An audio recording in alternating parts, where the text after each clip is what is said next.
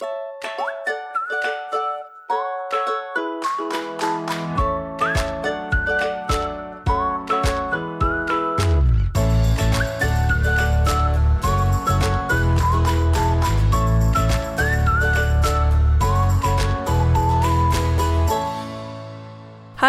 welkom bij een nieuwe aflevering van de Wat ik wou dat ik wist podcast. Mijn naam is Kelly en elke week deel ik wat ik wel eerder had willen weten en vertel ik verhalen waar jij je hopelijk in herkent. Deze week wil ik het met je hebben over hustle culture. Hustle culture is eigenlijk het, een denkwijze, een manier van leven die volledig draait om werken, om productiviteit, om kapitalisme. En daar wil ik toch eventjes wat uitgebreider op ingaan. Ik um, stond daar eerst namelijk nog heel erg achter en afgelopen jaar zijn mijn gedachten daarover heel erg veranderd. En um, ja, daar ga ik wat meer over vertellen zo meteen. Verder hoop ik dat het goed met je gaat. Uh, ik zat afgelopen week niet zo heel lekker in mijn vel. Mag af en toe ook wel eens gezegd worden. Ik weet niet, die hele januari maand. Ik had vorige week natuurlijk ook al een aflevering over gemaakt. Die zit mij toch niet helemaal lekker. Dingen die gaan niet zoals ik wil dat ze gaan. En dan Um, ja, als je dan voor de rest ook niet zoveel om handen hebt, dan ga je ook alles uitvergroten in je hoofd. Dus um, ik weet niet, ging niet zo heel lekker afgelopen week. Ik heb ook niet heel veel gedaan. Ik zit even te denken wat ik allemaal gedaan. Ik heb alleen vrijdagavond ben ik bij een uh, vriendinnetje gaan eten. Een oud collega van mijn uh, werk bij Talpa dat was wel heel gezellig. En ik ben afgelopen weekend uh, een heel eind gaan uh, wandelen. Je hebt bij Bloemendaal aan zee een heel mooi wandelgebied. En eigenlijk was het ons doel om dan via dat wandelgebied naar het strand te lopen. En ook nog een stuk over het strand te lopen. Maar er stonden hekken tussen. Dat kon, of wij zaten gewoon op de verkeerde plek waar je het niet aan elkaar verbonden zat. Of je kan überhaupt niet van dat park naar het strand lopen. Maar toen zijn we dus weer naar de auto gegaan, de auto gepakt en naar het strand gereden. En hebben we nog een stukje over het strand gelopen. En we waren zeker niet de enige. Het was ook niet super druk. Maar um, heel veel mensen hadden denk ik hetzelfde idee. Afgelopen zaterdag was echt, echt zo'n dag na weken van... Of nou weken, na dagen van regen. Um, dat het weer eventjes heel mooi weer was. Wel echt tering koud op het strand. Met die koude wind. Het was volgens mij ook maar 1 graden of zo. En ik heb dan zo'n jas die er super leuk uitziet. Zo'n teddyjas, maar uh, waar eigenlijk gewoon de wind doorheen gaat.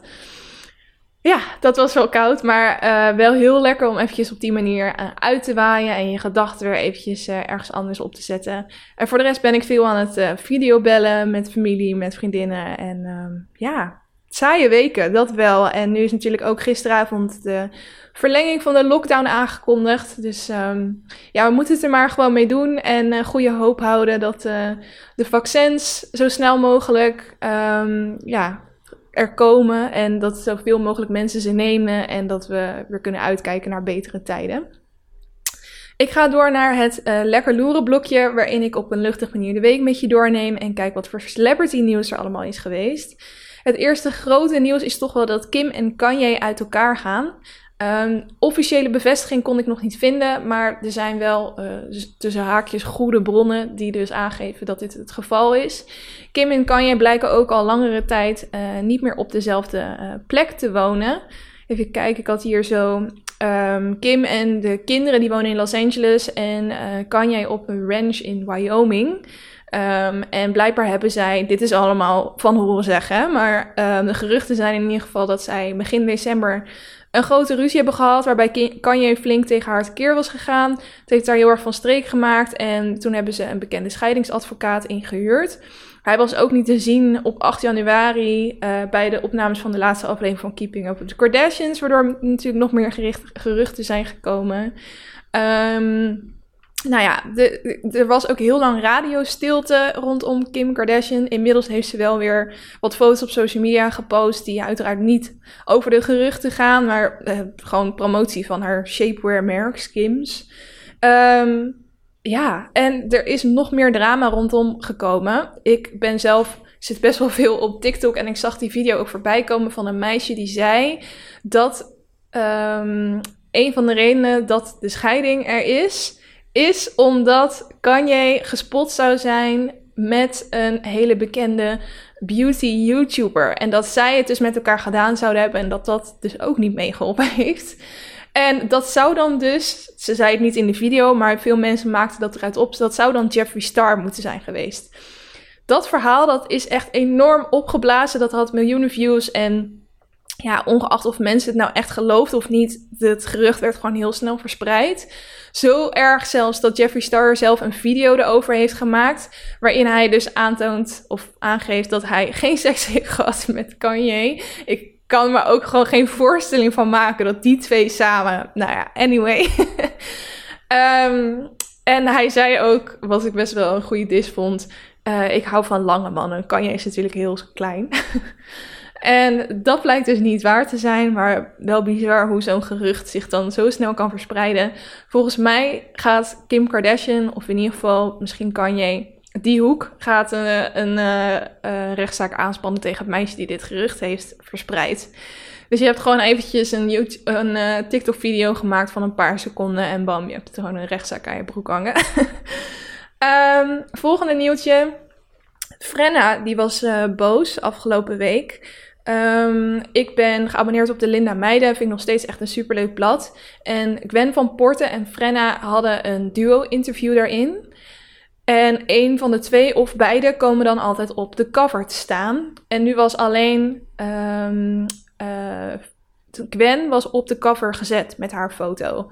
Terwijl toen zij het interview deden, werd dus wel um, de intentie genoemd, volgens mij, dat zij beide op de cover zouden komen. Nou, Frenna had dat op zijn Instagram stories gezet. En hij zei ook um, dat het hem gewoon opviel. Dat in het verleden was er ook een duo-interview met Dio. En um, toen was juist Dio maar alleen het meisje op de cover gezet. Um, er was ook eentje met uh, Bilal en nog een meisje. En toen werd ook alleen het meisje op de cover gezet. En hij merkte wel op dat elke keer als er een jongen van kleur dus in het duo-interview zat, dat hij niet op de cover werd gezet. En um, nou, dat heeft best wel wat aandacht gekregen, wat hij allemaal zei. Totdat Linda Meijden ook een uh, excuus heeft geplaatst op hun, uh, of in ieder geval een soort uitleg op hun stories of op hun um, uh, Instagram feed, ik zal het even voorlezen. Linda Meijden wil graag reageren en nuance aanbrengen in de discussie die is ontstaan over de coverkeuze van de nieuwste editie. Omdat wij de kritiek van Frenna en de discussie, vooral als het gaat om zoiets belangrijks als representatie in de media, serieus nemen en omarmen. We willen ook iets rechtzetten omdat er onduidelijkheid is ontstaan. De keuze voor Gwen van Port is op voorhand gemaakt omdat Gwen ervaringsdeskundige is op het gebied van het thema van deze editie. Zij maakte zich al langere tijd hard voor minder telefoongebruik en is daarom gekozen als spokesperson voor onze actie hashtag ik ga offline. Er is aan het management van Frenna gecommuniceerd dat hij niet op de cover zou komen. Er is ook geen vaststaand gegeven dat de personen uit het duo-interview op de cover te zien zijn. Uiteraard vinden wij deze situatie enorm vervelend, vooral omdat het mensen heeft gekwetst. Dat is natuurlijk nooit onze bedoeling. Daarom nemen wij alle kritiek en gevoelens over dit onderwerp serieus en zullen wij in de toekomst nog strakker sturen op representatie en inclusiviteit op onze covers. We begrijpen heel goed dat dit een bredere discussie is waarover gesproken moet worden en zullen dit in de toekomst ook blijven doen, Team Linda Meiden. Ja, en eigenlijk is hier heel erg uh, veel kritiek op gekomen. In ieder geval als ik kijk naar de comments. Mensen zeggen dat Gwen ervaringsdeskundige is, moet toch niet het argument zijn. Wees divers en inclusief, do better. Wat een slap verhaal weer. Begint bij een inclusieve redactie, but oké. Okay. Uh, lol, altijd maar weer proberen om het goed te praten. Jo, veel. Toegeven is natuurlijk moeilijk, dus dan maar een slap statement gooien. Nou, dus eigenlijk allemaal best wel lelijke reacties. Um, ik moet zeggen, ik lees de Linda Meiden dus ook vaak. En ik vind echt dat ze al een hele grote stap hebben genomen qua feminisme, representatie van verschillende mensen. Um, dat zie je echt heel erg wel in het blad terug. Alleen zal er hier wel wat duidelijker over mogen zijn. Want er is duidelijk gewoon heel erg veel miscommunicatie geweest tussen Frenna en hun. En um, ja, misschien hadden ze wel iets dieper door het stof moeten gaan als je kijkt naar al deze reacties. Het blijft altijd iets uh, lastigs. En ik vind het wel um, vervelend voor beide partijen dat het dan zo groot in de media moet komen. In plaats van dat als Frenna er moeite mee heeft, dat hij dan contact opneemt met die redactie. Ik moet ook wel zeggen, volgens mij. Ik hoop dat daar verandering is gekomen. Maar ik heb wel eens de redactie van de Linda Meijden gezien. En um, het is ook echt wel een hele witte en vrouwelijke. Vrouwelijk is misschien logisch, het is een vrouwenblad. Maar een hele um, eenzijdige redactie wat dat betreft. Dus die kritiek snap ik ook wel weer. Um, ik weet niet, ik vond het wel. Uh, het brengt wel weer een discussie op gang en dat vind ik alleen maar goed. Dan een superleuk nieuwtje. Ik heb deze ook al op mijn uh, Insta-stories gedeeld. Sex and the City komt terug met een reboot. Echt geniaal. Um, op de feed van Sarah Jessica Parker verscheen een video um, met wat korte beelden. En um, wat had ze er nou bij gezet? Even kijken, ik ga het ondertussen opzoeken. Maar dat gaf eigenlijk al aan van er zit iets aan te komen, mensen. Um, is de video. I couldn't help but wonder, where are they now? Ex-SJ, natuurlijk Sarah Jessica Parker. Dus um, er komt een reboot. En het enige jammere is dat Samantha er niet in zal zitten. En het gaat dus over hoe zij nu. Uh, zij zijn dus ouder geworden, ze zijn allemaal in de 50. En hoe ziet hun leven er nu, nu uit? Dus het is met dezelfde uh, acteurs en actrices. Alleen doet Samantha dus niet mee. Zij heet Kim Cattrall in het echt. En er blijkt ook een uh, reden voor te zijn. Het is natuurlijk niet helemaal bevestigd, maar Kim zou geen zin hebben omdat het volgens haar niet goed klikte met Sarah Jessica Parker. Sarah ontkent nog steeds dat er sprake is van ruzie. Quote, nee, ik vind haar niet onaardig, dat heb ik nooit gezegd, zou ik nooit doen. Samantha maakt geen deel uit van dit verhaal, maar ze zal altijd deel van ons zijn, waar we ook zijn en wat we ook doen. Dus ja, ik ben heel erg benieuwd hoe dit gaat zijn. Want je bent natuurlijk ook wel benieuwd. Ik heb, wat is het, twee jaar geleden of zo, heel die serie van begin tot eind gekeken. En um, dan stopt het op een gegeven moment en dan ben je toch benieuwd. Ik ga even mijn meldingen uitzetten hoor. Dan ben je toch benieuwd van oké, hoe is het dan verder gegaan en waar zullen ze nu zijn? Um, al is het natuurlijk wel minder interessant om te kijken naar 50-jarigen dan naar 20-30-jarigen. Maar ja, als het van dezelfde schrijvers is, dan kan het alleen maar heel goed zijn. Voor de rest zijn er volgens mij nog niet zo heel veel details bekend. Het moet nog gefilmd worden, of het, het, wordt nu gefilmd. Het enige dat gezegd is, is dat het in de lente van 2021 gaat komen. Dus um, we hoeven gelukkig niet super lang meer te wachten. En ik heb er echt mega veel zin in. Tot slot, laatste nieuwtje. Uh, Trump is overal verwijderd of geblokkeerd of vanaf gegooid. Van Twitter, van Facebook en op Instagram. En um, nou, op Twitter was hij natuurlijk vooral heel erg actief. En zei hij echt de gekste dingen, waardoor er ook heel vaak van um, Twitter zelf dan zo'n bericht onder kwam, kwam, te staan van uh, er kunnen onjuistheden in dit bericht zitten, let op, bla bla. Um, er zijn natuurlijk richtlijnen. Elk social media platform heeft richtlijnen waar je als gebruiker aan moet houden. En die gelden, gelden voor iedereen, ook voor de president van Amerika. Um, tot nu toe zei hij dus soms dingen die niet helemaal waar zijn, maar nog niet echt dingen waardoor ze hem van het platform af konden gooien. Maar naar aanleiding van wat er afgelopen week is gebeurd, die bestorming van het Capitool, trouwens echt insane. Ik, wij zaten s'avonds op de bank en ik liet dat zo aan mijn vriend zien en ik zei, is dit echt? En toen zetten we CNN aan en nou ja, bizar wat, uh, dat gewoon mensen daar binnen kunnen zijn gekomen. Ik snap nog steeds niet hoe dat is gebeurd. Maar anyway, um, de opruimende taal van Trump, die wordt ook wel als oorzaak gezien hiervan. Hij zou het zelfs een keer gezegd hebben dat mensen dan maar het kapitool moeten gaan bestormen. En um, daardoor is hij nu uh, ja, overal vanaf gegooid. En applaus voor dat, want wat een man. Heel blij dat we straks van hem af zijn. En um, ook fijn dat hij eindelijk heeft toegegeven, of zich de soort van bij neer heeft gelegd dat hij dus geen president meer zal zijn. Um, hij heeft natuurlijk heel lang geprobeerd om nog rechtszaken aan te spannen, om toch hertellingen te laten doen. En hij kwam er gewoon niet. Hij ging er ook nooit komen. En um, ja, hij gaat niet bij de inauguratie van Biden zijn. Dat is wel volgens mij voor het eerst dat de vorige president dus niet bij de inauguratie van de nieuwe president is. Wat best wel petty is, vind ik. Maar oké, hij heeft in ieder geval wel gezegd dat hij het Witte Huis zou gaan verlaten. Dat was zelfs iets waar mensen zich zorgen over maakten. Dat hij misschien um, echt het Witte Huis uitgesleept zou moeten worden. Insane. Oké, we gaan door naar het elke elletje waarin ik lees, kijk en luistertips geef. Uh, de leestip is het uh, boekenclubboek van uh, deze maand. Dat is The Seven Husbands of Evelyn Hugo. Ik heb het luisterboek en um, ja, met heel veel klusjes. Eigenlijk elke keer als ik een klusje in huis moet gaan doen, dan zet ik dat dus aan. En ik merk dat ik dat zoveel fijner vind dan echt de tijd te moeten nemen om te gaan zitten en een boek te lezen. Want heel vaak ehm, ja, gun ik mezelf die tijd niet of zo. Het is echt bizar hoeveel uh, social media prikkels met je hebben gedaan. Want op het moment dat ik een boek lees, dan denk ik dus aan mijn telefoon en dan ga ik op mijn telefoon zitten en dan vergeet ik heel dat boek weer. En um, op het moment dat ik dus dingen aan het doen ben en ik luister ondertussen naar het boek, dan kan ik die tijd nog soort van als productief zien. En dan heb ik dus ook niet een gebrek aan prikkels. Blijkbaar heb ik dat dus nodig. En daardoor ben ik al super ver in het boek. Ik hoef nog maar twee uurtjes te luisteren, uh, volgens mij. Dus ik denk dat ik hem misschien deze week al uit heb. En ik vind het echt een fantastisch boek. Het is zo goed geschreven. Um, misschien mag ik dat nu nog niet zeggen, want normaal laat de recensie tot het einde. Maar uh, dit boek zuigt je in één keer in het verhaal. Dat is het enige wat ik er nu over ga zeggen. Dus als je nog mee wilt doen, of zet dit boek in ieder geval alvast op een lijstje voor dit jaar. Um, The Seven Husbands of Evelyn Hugo. Dan uh, kijktip. Ik heb trouwens Bridgerton afgezien.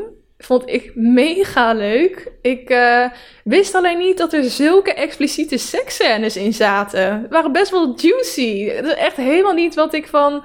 Um, ja, ik had toch niet verwacht dat dat zomaar op Netflix zou staan. We zijn natuurlijk wel gewend van Nederlandse films en series dat het best wel veel wordt laten zien in seksscènes. Maar um, in Amerikaanse films en, en series zie je dat gewoon helemaal niet. Dat is echt not done.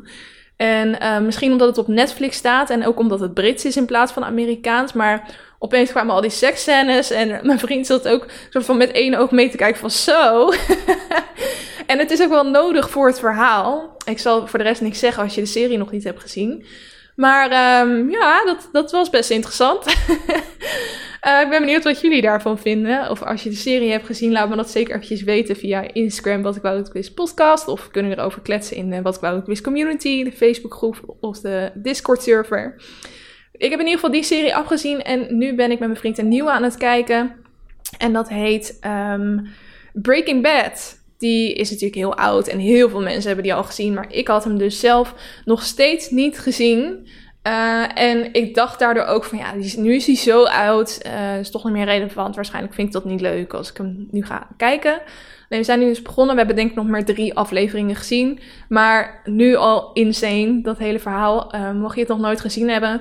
Het gaat over een scheikundeleraar die um, ontdekt dat hij longkanker... Ja, volgens mij was het in zijn longen. In ieder geval, hij heeft kanker en is ongeneeslijk ziek. Daar komt hij achter. Hij besluit om dat niet aan zijn vrouw te vertellen. Maar hij beseft wel, um, ja, ik wil eigenlijk haar gewoon goed achterlaten. En um, ik heb nu gewoon niet zo heel veel geld wat ik aan haar kan achterlaten. En zijn vrouw is ook nog zwanger. En hij besluit dan dus om. Um, hij komt op een of andere manier een oud klasgenoot van hem tegen. En komt erachter dat hij uh, meth produceert en verkoopt. Alleen zijn businesspartner is de bak in gegaan. En die scheikundeleraar die zegt dan tegen hem: Ik weet hoe je meth maakt, laat mij dat maken en dan ga jij het verkopen. En zo ontstaat er dus een samenwerking. En in de eerste afleveringen uh, escaleert dat al compleet en uh, moet ze lijken gaan opruimen. Uh, echt de goorste beelden die ik ooit in mijn leven heb gezien. um, maar wel zo chockerend dat je toch elke keer ook weer denkt: holy shit, hoe gaan ze dit nu weer oplossen? Dus dat vind ik wel tof. En ik heb ook de castingkantine gezien. Weer even helemaal wat anders hoor. Dat was op tv en ik heb het zelf op Videoland gekeken. Het, is, uh, het was ook eenmalig, van een uur of anderhalf uur of zo. Um, het was een soort uh, uh, afvalwedstrijd van mensen die dus typetjes nadoen. Voor Carlo Boshart en, hoe heet zij ook alweer? Elise Schaap heet zij. En um, dan gaan dus allemaal mensen hun typetje doen voor hun in de hoop om uiteindelijk in het nieuwe seizoen van de tv-kantine te komen. Want een week later, misschien is inmiddels al de eerste aflevering op tv geweest, um, is diegene dan dus ook echt te zien in de tv-kantine. Nou, dat was echt een super spannende wedstrijd en bizar hoe goed mensen sommige typetjes kunnen doen. Eerst moeten ze het typetje doen en dan heb je nog een paar rondes. Uiteindelijk moeten ze ook echt kunnen improviseren als dat typetje zijnde en een scène van de tv-kantine kunnen spelen. Dus zowel improviseren als gescript. En um, nou, ik zal niet te veel verklappen. Er zit onder andere een Britt Dekker in. Er zit een Arjen Lubach in. Er zit een Robert en Brink in. Uh, en nog een aantal types. Superleuk. En uh, ik zou je zeker aanraden om dat te kijken. Zeker ook omdat het dus maar eenmalige aflevering is. En uh, ja, Oké, dan gaan we naar de luistertip. Uh, ik wil je een, of, ja, een actrice slash zangeres aanraden. Voornamelijk zangeres wel. Zij heet Olivia Rodrigo. En zij is pas 17 jaar oud, maar ze kan supergoed acteren en zingen. Ze is bekend geworden doordat ze meedeed aan High School Musical The Series. In Nederland heb ik daar nauwelijks wat over gehoord, maar in Amerika was dit blijkbaar echt een ding. Ik wil het zelf ook nog gaan kijken, want High School Musical, die films, die vond ik echt fantastisch. Goed, toen was ik ook wel een stuk jonger, dus misschien ben ik nu niet meer helemaal de doelgroep. Maar um, het kan ook juist wel weer heel leuk zijn, omdat ik het vroeger dus zo leuk vond. Maar zij speelt daar dus uh, de hoofdrol in. En um, zij zong toen ook een nummer in die serie genaamd All I Want. En dat is echt een super mooi liedje. Dus ik wil je die aanraden om te luisteren. All I Want van Olivia Rodrigo. En uh, zij heeft dus uh, afgelopen week een nieuw nummer uitgebracht. En dat heet Driver's License. En beide nummers gaan eigenlijk over liefdesverdriet. Echt op een manier geschreven waardoor je denkt: Jezus, je, je voelt het gewoon. Hoe zij dat zingt. Dat vind ik altijd heel knap als mensen dat kunnen. En um, ja, op TikTok gaat dit nummer nu dus heel hard onder Gen Z. Weet je, de jongere generatie, de generatie onder mij. Um, daardoor heb ik dit liedje ook leren kennen. Uh, er zijn blijkbaar heel veel meiden die heel erg meevoelen met dit nummer. Die, dus die op een hysterische, huidende manier dit dan aan het playbacken zijn op, uh, op TikTok. Nou ja, daardoor ging ik het luisteren en toen dacht ik, ja, het is wel echt een prachtig nummer. En haar andere nummer vind ik dus ook heel goed. Uh, Olivia Rodrigo dus. Oké, dan gaan we nu door naar het hoofdonderwerp: waarom hustle culture slecht voor je is. En misschien is dat wat kort door de bocht, want ik denk echt niet dat hustle culture alleen maar slecht is. Maar ik denk wel dat er te veel aan gehecht wordt, dat te veel mensen het proberen uit te dragen, waardoor het ook een enorme druk met zich meebrengt. En ik denk niet dat het per se altijd goed is. Ik zal voor de mensen die niet helemaal weten wat het inhoudt eventjes voorlezen. Ik heb een soort definitie gevonden. What is hustle culture anyway? In a nutshell, hustle culture, as the name also implies, means constant working. It means devoting as much of your day as possible working, hustling. There is no time out or time in at work. Work is done in the office, outside the office, at home, at coffee shops, anywhere. And in a world constantly on the go and equipped with the tools to achieve that, working constantly on the go is very possible.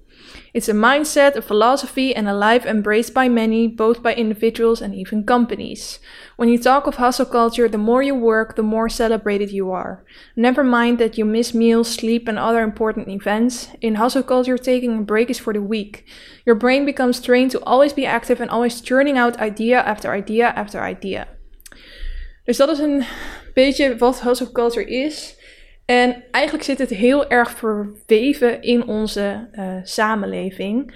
Um, het hele idee dat wij überhaupt um, zoveel jaar moeten studeren, het liefst ook een, een, een MBO, HBO, WO-studie doen, uh, om uiteindelijk een goede baan te kunnen krijgen, om uiteindelijk te gaan werken, om uiteindelijk geld te verdienen, om uiteindelijk een huis te kunnen kopen, wat je dan ook weer moet blijven betalen de rest van je leven met geld, waardoor je dus ook weer elke dag moet gaan werken. Om nog maar niet te spreken over het feit dat het eigenlijk heel normaal is geworden om een 40-urige werkweek te hebben, terwijl dat uh, is gebaseerd op een model van Ford uit de jaren 40, Nee, in 1926 heeft uh, Henry Ford um, van de Ford Auto's eigenlijk de 40-urige werkweek uh, populair gemaakt. Um, eigenlijk was dat toen een hele grote vooruitgang, want toen werkten mensen 10 tot 16 uur per dag. En dat heeft hij toen dus gebracht naar 8 uur per dag omdat hij erachter kwam dat hoe meer mensen um, vrijheid hebben, of als ze in ieder geval een bepaalde mate van vrije tijd hebben, um, dat ze dan ook productiever zijn in de uren dat ze wel aan het werk zijn. Maar sindsdien is dat eigenlijk niet meer veranderd. In de jaren 1940 werd het in Amerika zelfs een, een, een, de regel om 40 uur per week te werken. En in de rest van de wereld is het natuurlijk net zo. Um, en sindsdien is er niet meer gekeken of die 40 uur nog steeds het beste is voor elke werknemer in elke branche. Er zijn zoveel branches waarbij het echt niet nodig is om 40 uur per week aan het werk te zijn. Maar het is echt verweven in ons, um, onze gedachten. Ik weet ook nog wel toen ik zelf aan het werk ging. Dat er uh, ook wat vriendinnen waren die dus hadden gericht op werk dat ze bijvoorbeeld 36 uur werkten. Dat ze één keer in de twee weken een dag vrij hadden. Of dat ze ehm, iets langere werkdagen hadden, maar dan elke week een dag vrij bijvoorbeeld. En um, toen ik tegen mijn ouders dat zei, toen zeiden zij ook van... Nee joh, je moet gewoon werken. Je moet gewoon 40 uur, gewoon 40 uur werken. En eigenlijk voelde het als falen als ik dat ook niet zou doen. Als ik minder dan dat zou, ervoor zou kiezen om minder dan dat te gaan werken. Ik kom ook wel echt uit een um, gezin waarbij uh, ondernemen centraal staat, werken centraal staat. Um, vooral hard werken ook. Het, het dorp waar ik vandaan kom, dat zijn alleen maar harde werkers. Die staan eigenlijk door heel Nederland. Is ook zo bekend. Um, en dat heeft natuurlijk allemaal best wel invloed op je denkwijze. Toen was ik, wat was het? Ik denk eind twintig of zo. En toen ben ik steeds meer vrouwelijke ondernemers gaan volgen op Instagram. En um, raakte ik daar ook een beetje het verslaafd aan. Het idee van een een vrouw die een eigen business heeft, die hard voor zichzelf werkt. Um, en ook dat ik dan stories zag dat ze. Oh, ik ben zo moe, want ik heb vannacht, gisteravond echt tot 11 uur gewerkt. En dat ik dacht, zo, jij bent lekker bezig. Weet je, dat, dat was de gedachte. Eigenlijk tot een paar jaar geleden dacht iedereen wel zo, zo, goed bezig. Niemand zou ooit zeggen van, joh, kijk je wel uit. Inmiddels is het natuurlijk wel anders, omdat er steeds meer mensen zijn met burn-out. Zeker in onze generatie. Ik heb er natuurlijk ook een hele aflevering over gemaakt. Uh, zeker een aanrader als je die nog niet hebt geluisterd. Een vriendinnetje van mij had een uh, burn-out en die, um, ja, echt super cool dat zij daar zo open durfde over te praten in die aflevering. En um, ja, mij ook een kijkje kon geven in hoe het is om dat te hebben. En die burn-outs die zijn natuurlijk niet voor niks. Het is ook nog zo dat wij nu zoveel mogelijkheden hebben om ons eigen leven met dat van anderen te vergelijken. Waardoor je niet alleen de, van je weet dat er van je wordt verwacht dat je veel werkt. Maar ook constant wordt geconfronteerd met het idee dat het. Um, het wordt gewoon geromantiseerd. Op elke manier mogelijk op social media. En onbewust heeft dat zoveel effect op hoe jij denkt over werken, over um, waar je leven om moet draaien. Weet je, dat is natuurlijk ook van je moet je droombaan vinden. En daar heb ik ook afleveringen over gemaakt. En het hele idee van een droombaan hebben, daar sta ik ook op zich nog wel achter. Want hoe vet is het als jij um, van hetgene waar jij van houdt en wat je echt super leuk vindt, waar je jezelf compleet in kan verliezen, als je daar ook je geld mee kan verdienen. Maar het idee dat iedereen een droombaan heeft en die kan bereiken, dat is niet oké. Dat heb ik misschien zelf in het verleden ook wel heel erg gepromoot. Maar ik zie nu steeds meer mensen die er juist voor kiezen om een uh, baan te doen waar ze misschien wat meer mee verdienen in korte tijd. En misschien vinden ze die baan helemaal niet per se super leuk. Maar daar kunnen ze hun kosten van betalen. En ondertussen in de tijd die ze vrij hebben, kunnen zij dan ondertussen wel uh, hetgene doen wat zij ontzettend leuk vinden. En dan ligt er ook niet de druk op dat je er geld mee moet verdienen. Want dat zie je ook heel vaak. Dat op het moment dat je hetgene wat je leuk vindt, eigenlijk van je hobby je werk gaat maken, dat je hobby verdwenen is. Want het is je werk. En dat maakt het hele idee van een hobby is dat je er zonder um, echt waarde dat je eigenlijk het, het proces heel leuk vindt. En dat de uitkomst niet zoveel uitmaakt. Want het proces is wat er leuk is. En op het moment dat je er uh, geld voor gaat vragen, dan ben je alleen maar gefocust op die uitkomst. Want die uitkomst moet goed zijn, want je verkoopt het aan een klant. En die klant heeft bepaalde verwachtingen. En toen ik dat besefte, toen dacht ik, ja, misschien is het helemaal niet um, oké, hoe erg we het hebben van een droombaan romantiseren en bepaalde mensen gaan volgen, oh, want die hebben het goed voor elkaar. Um, en dat je je ook druk gaat maken over, ja, mijn baan is helemaal niet zo speciaal of interessant of leuk. Is dat dan niet slecht? Moet ik dan niet mezelf gaan omscholen en misschien heb ik daar helemaal geen zin in? Is dat dan erg? En ik denk dat dat helemaal niet erg is en dat we allemaal op onze eigen manier ja, moeten vinden wat bij ons past. En uh, vooral ook wat bij onze levensstijl past.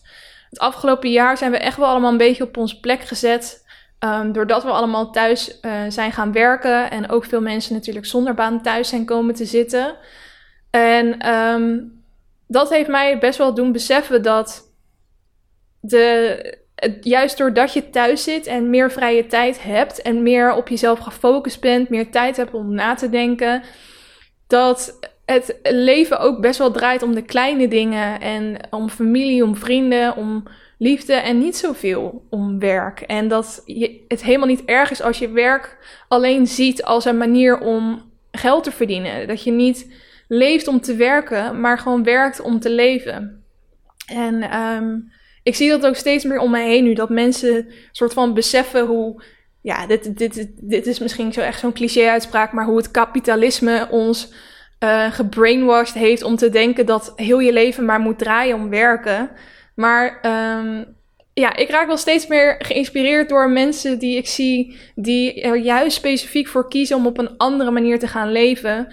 Bijvoorbeeld al die mensen die nu een uh, busje kopen om dan de wereld rond te trekken en uh, te slapen in dat busje en gewoon met zo min mogelijk te leven eigenlijk, maar allemaal toffe ervaringen op te doen en gewoon met het brood nodige hun werk verdienen. En dat ze eventjes ergens een tijdje in een restaurant werken of dat ze uh, online, bijvoorbeeld dat ze bijvoorbeeld besluiten om sieraden te gaan maken en dat online te verkopen of om ze op zo'n manier gewoon je eigen levensstijl te betalen, maar dat je uh, echt gefocust bent op hetgene wat het leven je te bieden heeft, in plaats van alleen maar te werken. En um, iemand die ik daardoor ook heel inspirerend vind is uh, Jenny. Jenny from the blog heet zij ook wel. Uh, zij heeft een blog en een YouTube kanaal. Ik heb het wel eens eerder met haar over, over, over haar gehad. Ik heb haar ook uitgenodigd voor mijn podcast als gast. Maar um, helaas doet zij op het moment eventjes niet dat soort dingen. Dat soort interviews, et cetera. Um, anders had het haar verhaal ook echt heel mooi geweest om uh, te vertellen. Misschien kan dat in de toekomst nog wel een keertje.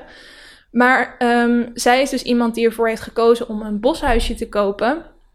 En um, dat helemaal op te knappen en uh, met haar hond in te gaan wonen. En eigenlijk om weg te gaan van de prikkels van de stad, van de hustle culture tussen aanhalingstekens. Dat was voor mij trouwens echt een grote reden om naar Amsterdam te gaan verhuizen. Omdat ik dus heel veel energie kreeg van het idee dat om mij heen mensen constant bezig zijn met het achternajagen van hun dromen. En ik, dat was in principe ook echt wel zo. Maar toen kwam natuurlijk corona en stond de hele stad stil. En dat staat hier nu al maanden.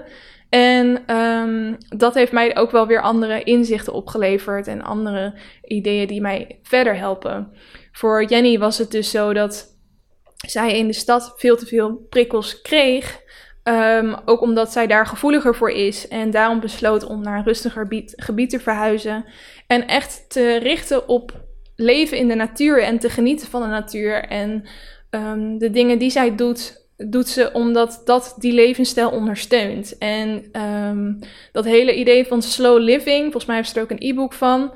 Dat is mij wel steeds meer aan gaan staan. En dat betekent niet dat ik nu heel mijn leven om ga gooien, ergens anders midden in de natuur ga wonen en um, stop met uh, mijn baan als uh, freelance social media expert.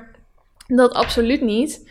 Maar ik merk wel dat in mijn uh, werkweken, ik weet nog dat toen ik begon met freelancen afgelopen zomer, dat ik dan negen uur s ochtends aan mijn bureau ging zitten. En zoiets had van: oké, nou hier zit ik tot vijf uur. Wat ga ik nu doen? Terwijl ik nog helemaal geen klanten had of wat dan ook. En um, ik had alles al wel klaarstaan. Alleen de klanten moesten mij nog vinden. En daar trok ik dan heel erg hard aan. Maar dan kon ik echt van mezelf balen als ik niet een volledige dag kon volmaken. En als ik niet van 9 tot 5 werk te doen had. Want dat had ik jaren gehad. En dat is ook hoe het hoort in mijn hoofd. En dat idee heb ik afgelopen maanden steeds meer los kunnen laten. En dat als ik nu een moment heb dat ik denk, nou, het is twee uur middags, ik heb eventjes niets te doen, ik ga lekker op de bank een serie kijken, dat ik me daar ook niet schuldig over voel. Want er zijn ook weer andere momenten dat ik dat soort dingen weer in kan halen. Ik moet ook wel eens in de avond werken, bijvoorbeeld. En wat dan nog als je niet de 40 uur per week aantikt, boeien. Uiteindelijk gaat het erom dat jij het geld binnenhaalt wat jij nodig hebt om jouw levensstijl te ondersteunen. En um, dat jij in die week ook genoeg tijd hebt om geluksmomentjes te vinden. Om de dingen te doen waar jij blij van wordt. Met die diamond painting waar ik nu mee bezig ben, vind ik super leuk om te doen. Dus daar ben ik soms dan gewoon smiddags een uurtje mee bezig. Of ik heb gisteren een, een vruchtenslof gebakken. Omdat ik helemaal geïnspireerd was door heel Holland Bakt. Wat ik nu dus ook weer aan het kijken ben. En het feit dat ik in mijn week momenten kan vinden om dat soort dingen te doen. Dat is iets waarvoor ik nu heel erg dankbaar ben. En natuurlijk zijn er altijd zorgen over ik werk deze week te weinig, ga ik wel uh, genoeg geld binnenkrijgen deze maand. Maar dat is iets wat er ook wel bij hoort als je uh, freelancer bent. En um, ja, mijn hele freelancer bestaan eigenlijk, gecombineerd met de coronacrisis, heeft mij toch wel doen inzien dat werken, werken, werken echt niet hetgene is waar het leven om draait. En um, dat vind ik heel mooi om te zien dat andere mensen dat ook steeds meer doorhebben en inzien. En um, ik moet misschien ook wel wat gaan veranderen aan hoe ik, welke mensen ik volg op social media en wat ik belangrijk vind om te zien. Sowieso ben ik er echt een voorstander van om één keer in de zoveel tijd eventjes je volgerslijst op te schonen en heel um, analytisch te kijken naar wat voor dingen je in je feed voorbij ziet komen en wat het jou doet voelen. Als jij bijvoorbeeld um, helemaal niet zo van sporten bent, maar altijd het idee hebt van jezelf: ik moet aan mezelf werken, ik moet, ik moet sporten. Maar het helpt je in principe eigenlijk niet verder. En je wordt constant geconfronteerd met meisjes die allemaal workouts aan het doen zijn. En je merkt dat het je alleen maar slecht doet voelen. Ga die mensen dan vooral ontvolgen. Maar ook als jij net zoals ik misschien nu meer neigt naar de slow living kant, naar niet meer zo'n constante focus op productiviteit. En jij volgt allemaal mensen die alleen maar posten over hoe fantastisch ze bezig zijn. En om heel eerlijk te zijn, ik maak me hier ook wel schuldig over. Want je wil natuurlijk ook alleen maar um, als ZZP'er mooie plaatjes schetsen. Dan zijn die mensen misschien niet de juiste mensen voor jou om te volgen. En um, ja, ik denk dat het dan juist goed is als je andere kanalen gaat volgen die een andere levensstijl brengen. Sowieso is dat heel goed om diversiteit te hebben in de mensen die je volgt en je bewust te zijn van wat voor dingen je allemaal opneemt. En gesproken over social media en het feit dat dat dus ook heel veel druk op kan leveren en je um, ja, mee kan werken aan dat kapitalistische idee dat we allemaal hebben. Um, ik had het ook op mijn Instagram stories gepost, maar Afgelopen zondag was er een dag georganiseerd door Linda Meiden, waarbij dus werd uh, opgedragen, of uh, ja, in ieder geval werd aangemoedigd om offline te gaan. Dat hele verhaal wat ik net in het Lekker Loeren blokje zei over hashtag ik ga offline, door Gwen van Porten ook uh, gepromoot. En um, ik zag ook in de Wat ik wel de quiz community dat een aantal mensen daar al mee hadden gedaan en dat ze er echt wel hele positieve effecten van hadden gemerkt. En um, dat heeft mij ook wel doen inzien dat ja, dat het eigenlijk beter is om specifieke momenten te hebben waarbij je offline gaat. En dat je dan ook alleen maar datgene consumeert en de acties uitvoert die op dat moment voor jou bevorderlijk zijn. In plaats van te belanden in een constante scroll waar je eigenlijk helemaal niet beter door gaat voelen. Um, waardoor je slechter in je vel komt te zitten, waardoor je minder productief bent of daar zeg ik het al, kijk, daar ga ik al, minder productief bent. Daar hoeft het dus de focus niet op te liggen. Maar de focus moet liggen op dat jij je tijd indeelt op een manier waarop jij blij van wordt. En dat het dus niet gebaseerd op zijn op een mate van druk. Het idee dat je bepaalde dingen moet doen, maar dat je de dingen doet die jou vervullen, die jouw geluk vervullen. Dat is eigenlijk mijn uh, verhaal. En ik ben wel benieuwd of jij hierin herkent. Want ik heb dus het idee dat meer mensen deze denkwijzeverandering op dit moment doormaken. En uh, ja, ik probeer echt meer te genieten van de kleine dingen en um, geld te zien als een middel en niet een doel. En aan de andere kant is dat lastig, want je wil natuurlijk ook je beginnende business doen slagen. En daarvoor is het wel belangrijk dat je in bepaalde mate focust op geld. Maar uh, het moet vooral niet de overhand nemen. Dat uh, is denk ik het belangrijkste. Oké, ik wil eventjes afsluiten met de challenge. Um, deze maand drink ik elke dag 2 liter water. Tot nu toe gaat het redelijk. Er zijn soms wel eens dagen dat ik op 12 uur, om 12 uur opeens denk: kut, ik ben het vergeten. Want als het dus niet in mijn zicht staat, dan uh, vergeet ik het ook echt om te doen. Dus ik moet eigenlijk altijd, ik zie het nu ook, ik heb nu geen waterfles in mijn buurt staan. Omdat ik gelijk weer allemaal dingen aan het doen was vanochtend. En Um, nu heb ik dus eigenlijk al veel te weinig water gedronken om op dit moment. Wat ik op dit moment had moeten drinken. Dus dan ga ik van, vanmiddag dus waarschijnlijk alleen maar naar de wc toe. Ik heb ook iets gekocht wat mij hierbij gaat helpen. Namelijk een uh, waterfles op bol.com. Ik zal wel even het linkje in de beschrijving van deze aflevering zetten als je het zelf ook handig vindt. Maar het is een hele chique uh, waterfles eigenlijk. En op die waterfles staan tijden. Dus je vult hem twee keer per dag volgens mij. En dan staat er dus hoeveel je hebt moeten drinken om 8 uur s ochtends, 9 uur s ochtends, 12 uur s ochtends. Volgens mij loopt die wel van 8 tot 6 uur of zo. Dus eigenlijk, als je de avond ingaat, zou je al uh, aan een 2 liter moeten zitten. Maar ik denk dat dat me best wel gaat helpen. Als het goed is, komt die uh, deze week ergens binnen. Um, dan kan ik in ieder geval nog twee weken gebruik van maken. En hopelijk hou ik het dan natuurlijk ook vol. Dat is wel een beetje het doel van deze maandelijkse challenges. Dat ik dan ook um, een soort nieuwe, ja, nieuwe gewoonte bij mezelf aanleg. Dus um, we gaan zien in hoeverre dat werkt. Mijn huid is echt al een heel stuk verbeterd, moet ik zeggen. Alleen vind ik het dus altijd lastig om te bepalen waar dat dan aan ligt. Ik ben niet andere uh, huidverzorging gaan gebruiken, maar het kan ook gewoon komen door wat je eet. Dat je net iets anders bent gaan eten. Of door uh, je hormoonlevels, die natuurlijk gedurende een maand als vrouw uh, constant veranderen. Dus ik vind het heel lastig om mijn vinger erop te leggen. Maar ik ben in ieder geval blij dat mijn huid al verbetert. Ik moet wel dus heel vaak naar de wc toe. En um, wat wel positief is, ik weet niet of jullie dat weten, maar aan de kleur van je urine kan je zien in hoeverre je gehydrateerd bent. En bij mij kwam het dan nog wel eens voor dat het echt donkergeel was. En als je dus genoeg water drinkt, dan zou dat dus heel hele lichte gele kleur moeten hebben. En uh, dat is nu in ieder geval wel altijd zo. Dus dat vind ik wel tof om te zien. Um, ik had ook een video gekeken over iemand die deze challenge had gedaan. En die zei ook dat ze meer dorst kreeg. En dat merk ik nu ook. Misschien ook omdat ik nu een uur aan het praten ben. Maar dat je um, lichaam er misschien ook wel een beetje op gaat leunen. Op het feit dat je meer water drinkt. Dus dat het ook wel van je verwacht dat je dat uh, binnen gaat krijgen. Wat denk ik alleen maar goed is. Want dat zorgt er weer voor dat je meer water gaat drinken. En dat is alleen maar goed voor je lichaam. Dus um, ja, dat over de challenge. Ik uh, hoop dat je dit een uh, leuke aflevering vond. Er gaan nog wat kleine veranderingen plaatsvinden in mijn podcast. Ik heb afgelopen week wat stories geplaatst om te vragen wat jullie van de podcast vinden, wat eventuele verbeteringen zouden kunnen zijn. Ook voor het Instagram-account dat ik voor deze podcast heb. Ik zie dat daar de laatste tijd de volgers teruglopen. Wat me dan toch wel doet denken van ja, misschien gaat er iets niet helemaal goed. Hetzelfde geldt eigenlijk ook voor mijn podcast zelf. Ik wil altijd wel op een bepaald level zitten qua luisteraars. En als dat dan niet lukt, dan denk ik: oké, waar ligt dat dan aan en hoe kan ik eventueel uh, verbeteren? Ik wil natuurlijk wel vasthouden aan de formule die ik heb gemaakt, maar uh, een paar kleine tweaks hier en daar kunnen misschien wel bevorderlijk zijn. Um, dus dat komt er nog aan en dat zullen dus alleen maar kleine dingetjes aan zijn en daar hou ik je van op de hoogte. Oké, nou, ik wens je een hele fijne week toe en ik hoop dat je de volgende week ook weer gezellig bij bent. Tot dan. Doei doei.